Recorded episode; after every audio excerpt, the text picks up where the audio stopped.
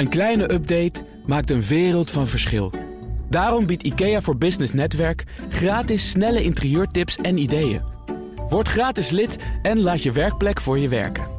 IKEA, een wereld aan ideeën. Deze week bespreken we in de Daily Move iedere dag het spook van de personeelstekorten dat door Nederland waart. En vandaag sluiten we af met de dagelijkse boodschappen. Het personeelstekort in de retailsector. 48.000 vacatures stonden er begin dit jaar open. Dat bleek uit cijfers van het UWV deze maand. De piek in het tekort lijkt voorbij, maar de nood is nog altijd hoog. Hoe ondernemers specifiek in deze sector het beste mensen kan aantrekken en behouden, vraag ik beleidsadviseur werkgeverszaken Barbara Geerlings van brancheorganisatie In Retail en Pieter Gauthier, hoogleraar economie aan de VU in Amsterdam. Welkom allebei. Hi. Um, Barbara Geerlings, het gaat dus ietsje beter, maar hoe nijpend is het tekort nog? Ja, zoals je net al aangaf, eh, er zijn inderdaad 48.000 vacatures in de hele detailhandel. Dat is wel 10% minder dan begin 2022, maar nog steeds echt hoger eh, dan voor de coronacrisis. Dus ja, het is nog steeds nijpend en er zijn nog steeds veel vacatures. Oké, en in de arbeidsmarktvisie van in retail staat onder andere dat het imago van werken in, in een winkel in het detailhandel wel een boost kan gebruiken. Ja, welk misverstand moet er dan de wereld uitgeholpen worden? Um, nou, wat je ziet um, over het imago van de sector, dat um, vaak het retail wordt gezien als een sector waar je verder niet in kan, uh, kan ontwikkelen of in kan doorgroeien. Nou, ik denk dat dat wel een van de grootste misverstanden is, want dat kan wel degelijk in de retailsector. Dus via een imagocampagne werken we daar ook aan en werken we echt aan die beeldvorming van de sector. Dat werken in de retail echt een vak is. ja, en dat natuurlijk dus doorgroeien en ontwikkelkansen zijn in de sector. Ja, misschien kunnen we daar zo nog even op, op, inzoomen, welke kansen dat dan zijn. Ja. Um, Pieter Cotier, hoe komt het nou juist dat in deze sector dat personeelstekort zo hardnekkig is? Nou, het is niet alleen in deze sector. Je ziet het overal dat het hardnekkig is. In deze sector ja, speelt het al vanaf 2014. Het heeft denk ik nog steeds een beetje te maken eh, met COVID, allerlei inhaaleffecten. Het licht ging uit en toen het licht weer aanging, ja, gaan mensen ook weer meer besteden, meer consumeren. Dat is een van de effecten. Het tweede effect is nog steeds de, de hoogconjunctuur. En dat merk je met name in de retailsector. Mensen die, die zijn nog steeds redelijk optimistisch over de toekomst, besteden veel. Uh, en dat betekent dat ze ook uh, ja, mensen nodig hebben. Ja, en die zijn er niet. Maar en, en, en de oorzaak daarvan, is dat een oorzaak die geldt voor al die sectoren waar tekorten zijn? Vergrijzing ja, dus, bijvoorbeeld? Dus dat heeft met de hoogconjunctuur te maken. Hè? Dus de economie alle, allerlei schokken onderhevig. En uh, technologie is, is nu gunstig. dus, en dat wordt weer versterkt door allerlei andere processen. En dat betekent gewoon dat er veel vraag naar arbeid is. Uh, het, het, aanbod is ongeveer constant. Dus dan is de vraag, hoe, ja, hoe gaan we de poppetjes verdelen over de bedrijven? Ja. ja. dan moet je toch werken met lonen of allerlei andere, andere arbeidsvoorwaarden. Pieter Gauthier, je zei net, nou, er zijn allemaal economische oorzaken uh, die voor zo'n personeelstekort zorgen. Hoe zit het met de lonen? Ja, de, de lonen zijn heel sterk gestegen, maar helaas zijn de prijzen afgelopen jaar nog sterker gestegen. Dus dat betekent dat, dat de reële lonen in Nederland zelfs ietsje gedaald zijn. Dus reëel, daar bedoelen we mee in termen van goederen en diensten die je ermee kan, uh, kan kopen. Ja. Um, en de retailsector die heeft volgens mij dit jaar wel weer de lonen behoorlijk uh, verhoogd. Dus ik vermoed aan het eind van het jaar hè, dat de reële lonen dicht bij nul zitten. Dus uh, gelijke okay. tred houden met de prijsstijging. Oké, okay, en, en dat die lonen verhoogd zijn, dat weten misschien dan te weinig mensen.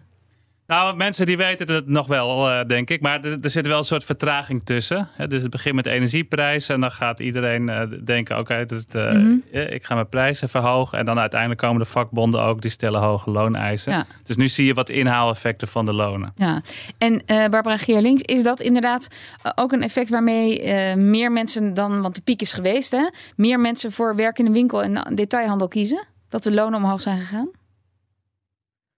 Um, ja, dat vind ik moeilijk te zeggen. Er zijn natuurlijk ook andere factoren waarom mensen kiezen voor het werken in de retail. Um, maar ja, de lonen zijn inderdaad gestegen. En ik denk dat we hele mooie stappen hebben gezet um, voor de mensen die in de sector werkzaam zijn. Om daar uh, mooi een inkomen mee te kunnen verdienen. Ja, en, en wat, wat zijn de verschillen met werken in retail, Pieter Gauthier, en in de andere sectoren? Wat, wat, wat, wat is het verschil in aantrekkingskracht? Ja, de, dus uiteindelijk, de, ja, de, de lonen gaan omhoog. Maar het gaat erom of de lonen harder omhoog gaan dan ten opzichte van andere sectoren. En het zijn niet alleen de lonen, dus andere factoren, om, om antwoord te geven op je vraag. Uh, hoe, hoe, zit het met uh, thuiswerken bijvoorbeeld? Daar is de retailsector natuurlijk niet zo aantrekkelijk, want je hebt toch uh, nee, klantcontact mensen, nodig. Precies, ja. achter de kassa in de winkel hebben. Ja, net als voor jullie is ja. het ook lastig thuiswerken. Terwijl andere sectoren, daar neemt thuiswerken enorme vlucht. Als je dat belangrijk vindt, ja, om je dan toch te verleiden voor de retailsector, moet je meer bieden in andere dimensies. Mm. Bijvoorbeeld lonen of doorgroeimogelijkheden. Ja. Het, is, het hangt heel erg af van uh, hoe zit het met de, de werknemers? Wat vinden die belangrijk? En wat kunnen bedrijven bieden? En wat kunnen andere bedrijven bieden? Ja. Dus het is best een ingewikkeld spel. Ja, Barbara Geerlings, want, want ja, thuiswerken, dat is lastig. Dat blijft ook wel lastig, denk ik. Maar um, ja. u sprak net al even over de ontwikkelingsmogelijkheden. Um, kunt u een voorbeeld geven? Hoe maak je carrière in een gemiddelde supermarkt? Um, uh, in retail staat voor de mode, sport, wonen en schoenbranche. Uh, dus daar kan ik meer over vertellen. Um, die doorontwikkelmogelijkheden die kunnen natuurlijk horizontaal en verticaal. Je kan natuurlijk beginnen als verkoopmedewerker, assistent, leidinggevende worden, leidinggevende, dus echt meer verticaal. Maar je kan natuurlijk binnen een functie kan je er ook meer taken bij krijgen. En dat zie je bijvoorbeeld al heel mooi ontstaan in de coronacrisis. Dat uh, verkoopmedewerkers natuurlijk online filmpjes gingen maken van de producten die ze verkochten. En dat is een extra werkzaamheid, een extra taak die erbij is gekomen. Eigenlijk om online die producten te gaan showen aan de consument. En als... um, dus dat is een voorbeeld van, van hoe, de, hoe de functie zich op een andere manier verbreedt. Maar als we dan naar die salarissen kijken, um, uh, binnen de retailsector uh, sinds januari met zo'n 13% gestegen. En in juli is daar ja. nog een loonsverhoging bijgekomen van uh, 3,13%. Is dat voor de ja. ondernemers nog wel te doen? Want ja, de marges zijn ook weer niet zo breed. Het ligt een beetje uh, per merk natuurlijk, maar toch? Ja, ja, ja, klopt. Nou, vooropgesteld willen ondernemers natuurlijk altijd investeren in scholing en in beloning. Zeker nu alles voor iedereen uh, duurder wordt. Maar goed, het leven wordt voor de ondernemers zelf natuurlijk ook duurder. Naast de gestegen loonkosten hebben zij ook te maken met hoge energiekosten, huurprijzen die stijgen en de inkoop wordt duurder.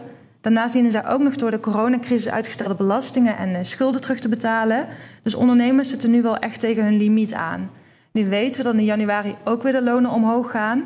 En uh, willen werkgevers nog meer loonsverhoging kunnen geven, ja, dan moeten die werkgeverslasten eigenlijk wel omlaag. Ja, en daar is weer een gigantische pot geld nodig. Uh, waar moet die vandaan komen?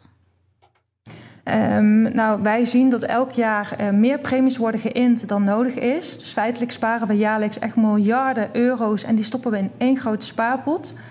Um, nou, en als we dat niet zouden doen, dan zouden ondernemers die extra uh, miljarden kunnen spenderen aan beloning en aan scholing van hun medewerkers. Maar ik denk verder wordt het wel een erg technisch verhaal, maar dat, uh, wij denken dat het daar wel vandaan zou kunnen komen. Nou ja, ik kan nog volgen, maar dus de minister van Sociale Zaken zou die spaarpot open moeten maken?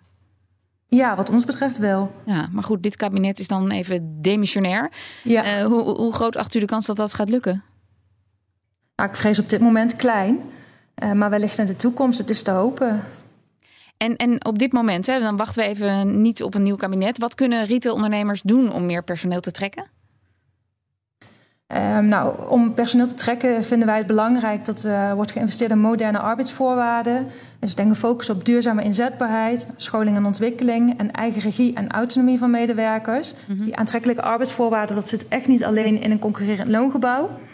Um, een voorbeeld daarvan, wat wij uh, in de sector aanbieden, is bijvoorbeeld een employee benefit programma programma. Um, en dit programma biedt uh, ondersteuning aan medewerkers op het gebied van financieel welzijn, mentale gezondheid, maar ook vitaliteit. Nou, heel concreet gaat het hier gewoon om kortingen op diverse vaste lasten en verzekeringen, maar ook okay. op bijvoorbeeld sportabonnementen. Ja, en dat sluit natuurlijk ook mooi aan bij de wensen van jongere generaties. Ja, want die nieuwe generatie die moet het ook aantrekkelijk vinden om in winkels te gaan werken. En die denken ook heel anders over werken. Hoe kan de sector daarop inspelen, Pieter? Ja, dus je moet inderdaad goed, goed, kijken wat, uh, wat die mensen belangrijk vinden. Heel veel jongeren die willen toch iets, iets doen wat, wat goed is voor de maatschappij, wat nuttig is. Iets met duurzaamheid. Dus als je die, kan, die kant kan ontwikkelen, daar kun je ook mee concurreren. Als je dat aanbiedt, kan je dus wegkomen met een, uh, met een lage loon. Uh, veel jongeren vinden ook uh, ja, de mogelijkheid om zelf je werktijden te bepalen belangrijk. Dat wordt weer, weer lastiger. Maar hè, ten opzichte van bijvoorbeeld de zorg ja. heb je wel weer een voordeel. Maar ten opzichte van een Uber of een food delivery heb je weer een nadeel. Dus er zijn een aantal dingen die je niet, niet makkelijk kan aanpassen. En, en ja, dan wordt het toch weer met het loon concurreren. En Barbara Geerlings, ik zie ook heel vaak een briefje op de deur van een winkel. Ja, we zijn op dinsdag tegenwoordig gesloten wegens gebrek aan personeel. En koopavonden, die, nou, heel veel winkels doen daar al niet meer aan mee door het personeelstekort. Is dat gewoon een nieuwe werkelijkheid? Dat er, dat er gewoon minder beschikbare winkeldagen zijn? Ja, wij zien inderdaad dat uh, ondernemers, um, als zij last hebben van personeelstekort, dat zij inderdaad op bepaalde dagen of en uh, op koopavonden hun uh, winkels sluiten. Uh, dat, zeker op koopavonden scheelt het al gauw drie à vier uur uh, in de week dat je open bent. Mm -hmm. uh, we verwachten wel dat ondernemers blijven kijken wat gewoon het beste moment is om open te zijn. Maar daarbij speelt natuurlijk ook wel mee op welke plek ze zijn gevestigd. Um, soms ben je gebonden aan contracten waardoor je niet eerder dicht mag of op mm -hmm. bepaalde dagen dicht mag. Okay. dus dat zijn wel factoren die daar ook wel weer mee een rol in spelen. En er wordt uh, vanwege die tekorten op de arbeidsmarkt in het algemeen vaker gekeken naar 55-plussers. Uh, Pieter Gauthier, zie jij daar nog kansen voor de retailsector? Ja, dus, dus wat de retail vaak gedaan heeft, is extra gunstige arbeidsvoorwaarden voor 55-plussers. Bijvoorbeeld minder overwerk, uh, dat soort dingen. En het gekke was, tijdens recessies was dat juist een nadeel voor 55-plussers, omdat ze minder snel werden aangenomen. Ja. Dat is, leidt tot allerlei extra kosten. Maar nu kan het ja, juist weer aantrekkelijk zijn om die mensen toch te verleiden om, om te gaan werken. Dus nu kan het, je, kan het je helpen. Ja, Barbara Geerlings, nou misschien ligt daar wel dan de oplossing. Ja, zeker. zeker. Wij zien daar ook uh, zeker een deel van de oplossing in uh, 55-plussers. Um, voor die mensen is het ook natuurlijk makkelijk en laagdrempelig om weer in de, in de retailsector aan de slag te gaan. En wij zien ook dat die sector echt wel interesse heeft om uh, te werken in onze sector. Nou, een mooi voorbeeld waaruit het blijkt is dat wij een pop-up banenwinkel hebben gehad, lokaal, op een A-locatie in Deventer. Uh, dat hebben we in de maand juni en juli uh, hebben die winkel daar gehad. En we zagen dat negen andere gemeenten ook interesse hebben getoond om uh, dit jaar op meerdere plekken zo'n pop-up banenwinkel te openen. Maar wat interessant is om te vertellen is dat naast jongeren en herintredende moeders die op die winkel afkwamen, ook juist die 55-plus groep daarheen kwam. En mensen met een afstand tot de arbeidsmarkt om te ontdekken of zij toch weer, weer of opnieuw in de retail uh, zouden kunnen werken. De pop-up banenwinkel dus. Dank jullie wel. Pieter Gauthier, ja. hoogleraar Economie aan de Vrije Universiteit... en beleidsadviseur werkgeverszaken Barbara Geerlings van In Retail. Een kleine update maakt een wereld van verschil. Daarom biedt IKEA voor Business Netwerk gratis snelle interieurtips en ideeën. Word gratis lid en laat je werkplek voor je werken. IKEA, een wereld aan ideeën.